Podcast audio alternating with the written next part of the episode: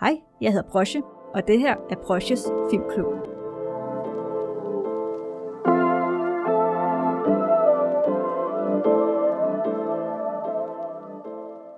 Hej og velkommen til en ny episode af Brosjes Filmklub. Jeg er Jasværd Brosje, og jeg vil til hver episode vælge et tema, og inden for det tema vil jeg anbefale nogle film, som jeg personligt godt kan lide, og som jeg synes, I skal tjekke ud, hvis I ikke har set dem. Men øh, ikke nok med det, så vil jeg også til hver film komme med noget fakta inden for filmen, og de her fakta kan så handle noget om filmens produktion, eller filmens modtagelse, eller bare noget, synes er ret spændende omkring filmen. Men inden jeg starter med at fortælle, hvad temaet for denne episode er, vil jeg gerne lige hurtigt sige, at øh, uh, Brosjes Filmklub bliver produceret i samarbejde med SDU, Odense Studenterradio Stål, der staves S-T-A-A-L, og Studenterradioen har en del programmer, der bliver produceret af studerende fra forskellige studier og semester, eller stort set alle programmer er produceret af studerende, og jeg kan varmt anbefale de andre programmer, som Stål også laver. Og du kan finde de her programmer på Castbox, Spotify og iTunes, hvis du søger efter Stål, og det staves igen S-T-A-A-L. Og du kan også like Stål på Facebook og Instagram. Så ja, jeg vil gerne lige sige en stor tak til Stål for at give mig muligheden for at lave mit program. Og nu til temaet. Temaet for denne episode er J-horror, og det er fordi, at You Won The Grudge kom ud her i starten eller midten af januar i år. Da jeg hørte, at der ville være en ny Grudge-film produceret i USA, troede jeg, at filmen ville være en reboot af den amerikanske remake fra 2004. Men filmen er faktisk en efterfølger til den amerikanske The Grudge-trilogi, som er en remake af den japanske gyser Yuan fra 2002. Og jeg, jeg ved godt, det er lidt af en uh, mundfuld, men uh, jeg prøver at forklare det så godt som muligt. I den uh, oprindelige film og i den uh, amerikanske trilogi uh, er fokuset på en uh, familie, der bliver terroriseret af en ånd, der hedder Kayagosaki, Øh, Øh, men hun er ikke fokuset i den nyeste Grudge-film, der er kommet ud her i år. Og jeg synes personligt ikke, at man kan kalde det en øh, Grudge-film, hvis Kayako og hendes øh, søn Toshio knap nok er med i filmen, fordi de er jo ansigterne på hele franchiset. Og jeg har faktisk også selv set den nyeste Grudge-film, og jeg synes ikke rigtigt, at den udskiller sig så meget fra de andre tidligere film. Den har selvfølgelig der, dens egne momenter, men ellers så synes jeg ikke rigtigt, at den er noget særligt ja, det, det er jo bare min, det, øh, det er bare min mening. Men ja, som sagt så er temaet for denne episode J-horror, og J-horror er en uh, forkortelse for Japanese horror, som er en uh, term, man første gang brugt i 1990 her i Vesten for at dække alle former for japansk gyser. Japansk gyser har eksisteret siden 1920, og har også deres egne subgenre, men man har bare valgt her i Vesten at kategorisere alle japanske gyser til bare J-horror. J-horror fokuserer meget på det psykologiske aspekter i deres fortællinger, og samt opbygning af suspens gennem spøgelser, som man kalder for yurei, og øh, poltergeister. Det mest hyppige tema, man finder inden for J-horror, omhandler japanske savn og folkevisdom, om øh, eksorcisme, shamaner, profetier og yokai, som er japanske overnaturlige væsener, og andre japanske myter og legender.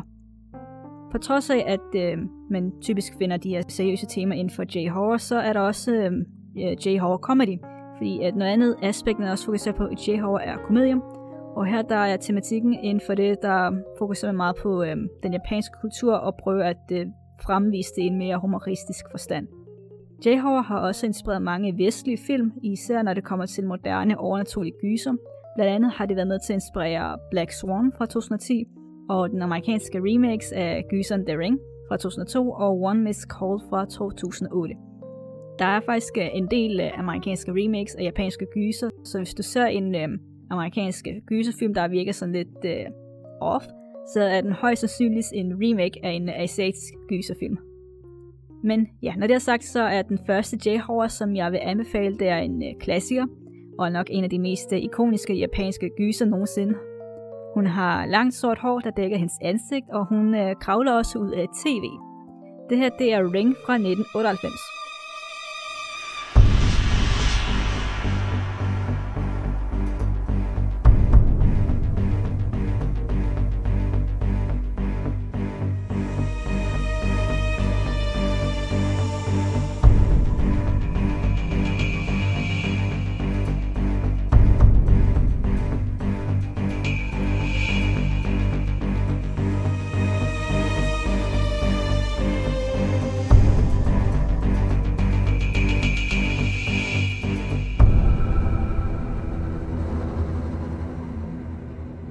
også kendt som Ringo, handler om en nationalistisk kvinde ved navn Reiko Asakawa, spillet af Nanakomo Matsushima, der undersøger en videobånd, der siges at være forbandet.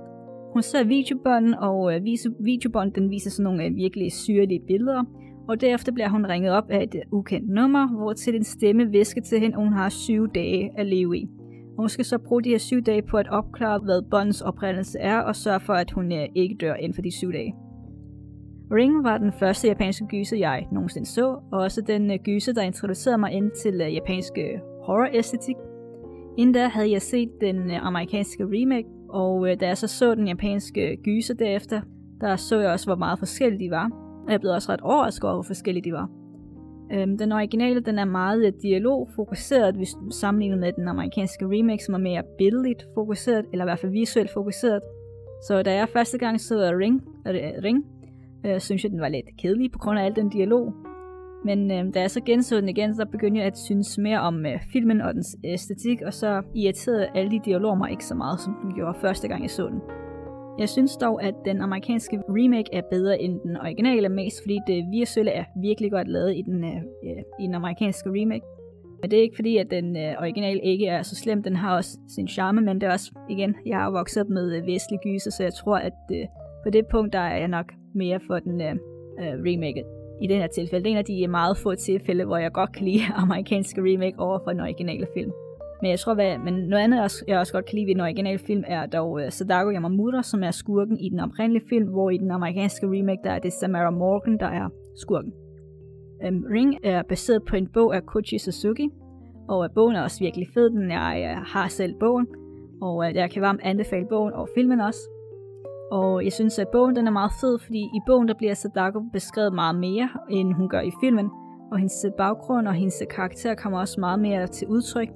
Øh, og, og også virkelig meget spændende at læse om. Så hvis du gerne vil kende mere til hendes øh, karakter, kan jeg igen varmt, varmt anbefale bogen. Men ja, når det er sagt, så lad os kigge på faktaerne. Fakta nummer 1. Ring er en øh, filmatisering af Ringo fra 1991, skrevet af Koji Suzuki, men Ring-filmen er ikke den første adaption af bogen. Den første japanske adaption af bogen var en tv-film fra 1995, der havde den samme titel som bogen, Ringo, og den blev også meget godt modtaget. Der har også været mange andre adaptioner af bogen, men den adaption, der er mest øh, berømt, er den fra 98. Fakta nummer 2. Sadako Yamamura er skurken i filmen, og øh, der er også en meget vigtig detalje omkring Sadako fra bogen, som man valgte ikke at tilføje i filmen. I bogen har Sadako Yamamura testikulær feminiseringssyndrom, også kendt som androgyn ufølsomhedssyndrom, og også kendt som intersex. Intersex er en uh, genetisk sygdom, der betyder, at en person fysisk har kvindelige træk, men uh, genetisk har de en øh, uh, mandlig træk sådan overordnet beskrevet. Uh, jeg, jeg er selv ikke biolog eller studerer biologi, men det er sådan, jeg har forstået det. Man valgte ikke at inkludere den her faktor omkring hende i filmen, fordi man mente, at det ikke var nødvendigt for filmens plot, på trods af, at øh, den her lille faktor spiller en øh, kæmpe rolle i øh, bogen, og den er også med til at fortælle, hvorfor hun netop bliver den her skurk, som hun er. Jeg synes, det er en stor skam, at de har valgt at undlade at tilføje det i filmen, men ja, yeah, what can you do? Fakta nummer 3. Koji Suzuki fik hans inspiration til Ringo-bogen af en amerikansk film, som også er en af hans yndlingsgyserfilm, og det er Toby Hoopers og Steven Spielbergs Poltergeist fra 1982. Fakta nummer 4. Noget andet, man også havde ændret i filmen i forhold til bogen, er kønnene på hovedpersonen og hovedpersonens barn. I bogen der er hovedpersonen en mand ved navn Kazuyuki Asakawa, som er gift og har en datter ved navn Yoko, der er cirka et år gammel, men øh, manuskriptforfatteren til filmen, Hiroshi Takahashi, valgte at ændre kønnene og fik hovedpersonen til at være en fraskilt kvinde i stedet for en gift kvinde. Og så har hun også en øh, søn. Og hvorfor man valgte at ændre kønnene vides dog ikke, men jeg kan forestille mig, at det måske kan være for, at... Øh, eller fordi de, man mente, at det gav mening for plottets udvikling, men uh, altså, ja, jeg synes, at det godt stadigvæk kunne have fungeret, hvis man havde beholdt kønnene på hovedpersonen. Men jeg synes, det er en okay ændring, som stadigvæk fungerer. Fakta nummer 5. I filmen ser man aldrig Sadakos ansigt, men i stedet så ser man hendes øh, ikoniske look med hendes hår, der tildækker hendes ansigt, og man ser et close-up af hendes øje. Close-up af øjet er faktisk en af de mandlige crew-medlemmers øje, og man måtte også fjerne hans øh, øjenvipper for at gøre billedet mere skræmmende. Fakta nummer 6. Sadakos berømte entré, hvor hun kravler ud af tv-skærmet, før hun slår sine ofre ihjel, var noget, man havde tilføjet i denne adaption. Scenen var nemlig ikke med i bogen, og den var heller ikke med i de tidligere adaptioner, og man fik ideen til scenen, da man mente, at øh, uh, Sadakos ånd i bogen ikke var tilgængelig nok, og via den her scene mente man, at man kunne få hendes ånd mere frem, og jeg synes, at det var en meget øh, god tilføjelse, fordi det var ikke nok, at man ser, øh, altså hendes ånd er ikke sådan til stede som sådan i bogen, udover at du får forklaret hendes historie, men ellers så ser man hende ikke optræde fysisk. Så jeg synes, at det er en meget øh, fin øh, tilføjelse, også øh, ja, en tilføjelse, der har været noget af en, øh, været med til at påvirke popkulturen. Jeg tror, at man har set rigtig mange referencer til det, så ja, det, det var i hvert fald meget godt valgt. Fakta nummer 7. Der er i alt blevet lavet syv japanske filmadaptioner af Ring. Der er en øh, koreansk øh, remake af bogen, og der er blevet lavet tre amerikansk producerede Ring-film, som er baseret øh, på den japanske film fra 98. Og så er der også en øh, japansk Ring tv-serie med 12 episoder. Det var J-horror-klassikeren Ring. Den øh, næste J-horror, som jeg vil snakke om, er også baseret på Kochi Suzukis værk, og er også instrueret af den samme instruktør, der instruerede Ring, som hedder Hideo Nakata. Det her det er en film, der involverer vand og har en uh, scene, der er inspireret fra elevator-scenen fra The Shining. Det her det er Dark Water fra 2002.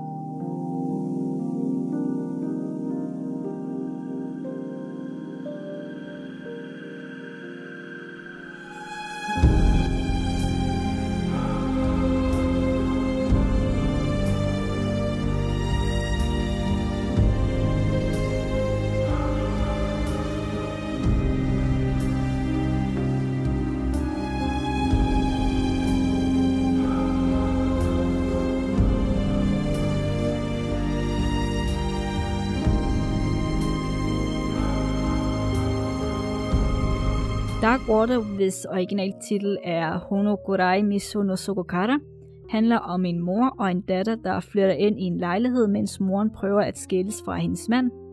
Men lejligheden, som de flytter ind til, viser sig at have nogle problemer med vand, der hele tiden løber, og samtidig viser det sig også, at lejligheden er hjemsøgt. Dark Water deler lidt din, øh, den samme atmosfære og stemning som fra Ring, fordi den som sagt er instrueret af den øh, samme instruktør, men det synes jeg nødvendigvis ikke er en dårlig ting, jeg synes, at trods af, at stemningen minder om hinanden, så formåler Dark Water stadigvæk at være en perfekt film for sig selv, og jeg synes også, at suspensen i løbet af filmen er også virkelig godt, og historien den formår også at få en til at krumme tæerne, men samtidig også fange ens opmærksomhed fuldt ud. Filmisk er, er filmen meget inspireret af Stanley Kubricks, uh, Kubricks filmatisering af The Shining fra 1980, og på trods af, at jeg ikke synes så meget om uh, filmen i sig selv, så kan jeg ikke ignorere det faktum med, at uh, filmen er meget visuelt godt fortalt, og vi synes, at, det, at Dark Water har deres inspiration fra den, er også meget fin og også godt fanget. Og ja, det er i hvert fald en film, der godt kan anbefales, og hvis man er fan af The Shining, så er det bare ekstra plus. um, jeg har dog desværre ikke kunnet finde noget fakta omkring den her film, så i stedet så springer vi bare direkte til den sidste J-horror film, jeg vil snakke om.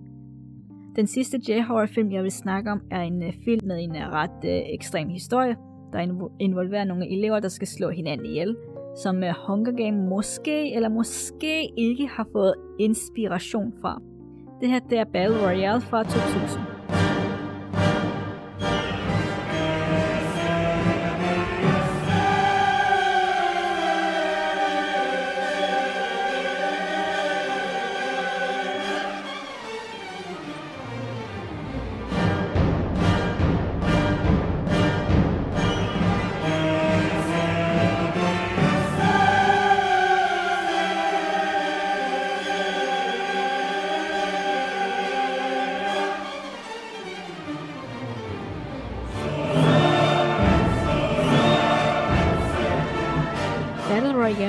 eller som den oprindeligt hedder Badaro Rorairo, handler som sagt om en gruppe elever. Jeg tror, de er omkring 40-ish, eller der omkring elever, der bliver sendt på en øh, ø, hvor de så får uddelt nogle våben, og så skal de derefter slå hinanden ihjel, til der kun er én elev tilbage.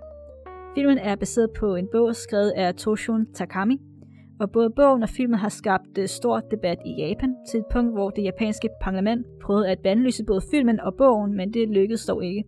I stedet så gjorde det bare, at folk gerne ville læse bogen og se filmen for at finde ud af, hvorfor den har skabt så stor debat og kaos. Øh, jeg har selv ikke læst bogen, men øh, hvis den er lige så ekstrem som øh, filmen, kan jeg godt forstå, hvorfor den har skabt så stor en debat. Men alligevel så synes jeg, at filmen er virkelig godt visuelt fortæller, og skuespillerne de har også gjort virkelig godt stykke arbejde. Og som, som jeg nævnte i starten, så er Hunger Games blevet anklaget for at have kopieret Battle Royale, eller i hvert fald fået en kæmpe inspiration for Battle Royale-konceptet. Men jeg har ikke læst eller set Hunger Games filmen, så jeg kan ikke sige med sikkerhed, men øhm, øh, jeg har i hvert fald set lidt traileren til Hunger Games, og jeg kan godt se, der er den her lighed mellem de to film, så øhm, ja. Battle Royale er visuelt virkelig godt fortalt. Den er kaotisk, blodig og stort set bare en af de japanske film, som du bare skal se. Øhm, hvis du overhovedet skal se noget japansk film, så er det her klart en af dem. Selvfølgelig med mindre du ikke er så vild med, det, med for meget vold i film, så er det også fair nok, men øhm, ja, det er i hvert fald en film, der godt kan anbefales, som er virkelig, virkelig godt lavet. Og når det er sagt, så lad os kaste os over faktaerne. Fakta nummer 1. Battle Royale er en film med meget vold, eksplosioner og generelt en masse fysisk arbejde. Og på trods af, at der er mange actionfyldte scener, så havde ingen skuespillere nogen stunt double. Og de udførte derfor selv deres egne stunts i filmen. Det medførte også til, at en del af skuespillerne kom til skade under indspillingen af filmen, Hvorfor man ikke havde brugt de her stunt doubles vides dog ikke, men jeg kan forestille mig, at det enten skyldes budget, eller at det skuespillerne faktisk gerne vil gøre der stunts, hvilket er både props til dem, men også øh, holdt op, fordi at øh, noget af det stunts med sagfilm er bare virkelig øh, for vildt. Så ja. Yeah. Fakta nummer 2.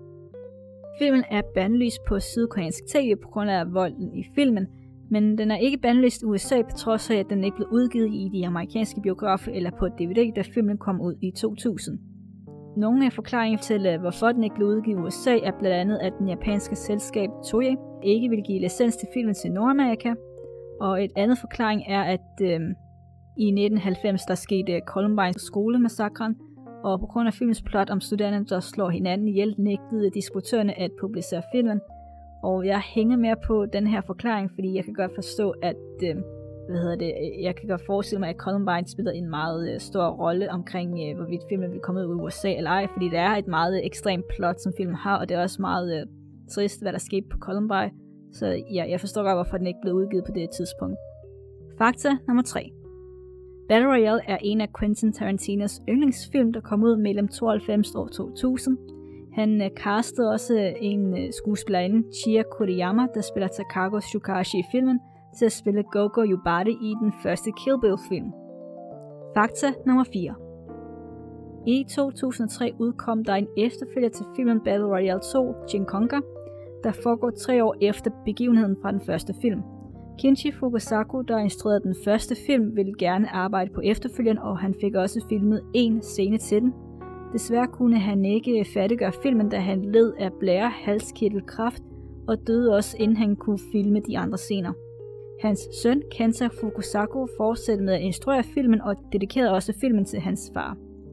Efterfølgeren er, synes jeg, er ikke særlig god i forhold til den første film, men jeg synes, at den er, det er ret sødt, at øh, Fukusakos søn øh, fik færdiggjort hans fars film og også dedikerede den til ham.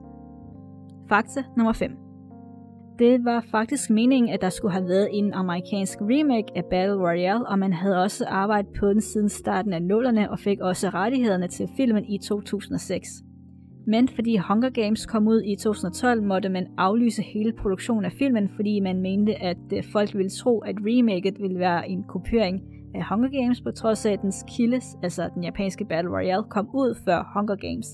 Jeg er faktisk glad for, at man ikke lavede remaket, da jeg synes, at den japanske version er fin, som den er. Og øh, generelt har jeg lidt, øh, som måske har jeg sagt tidligere, en slags uh, love-hate forhold til amerikanske remakes af udenlandske film.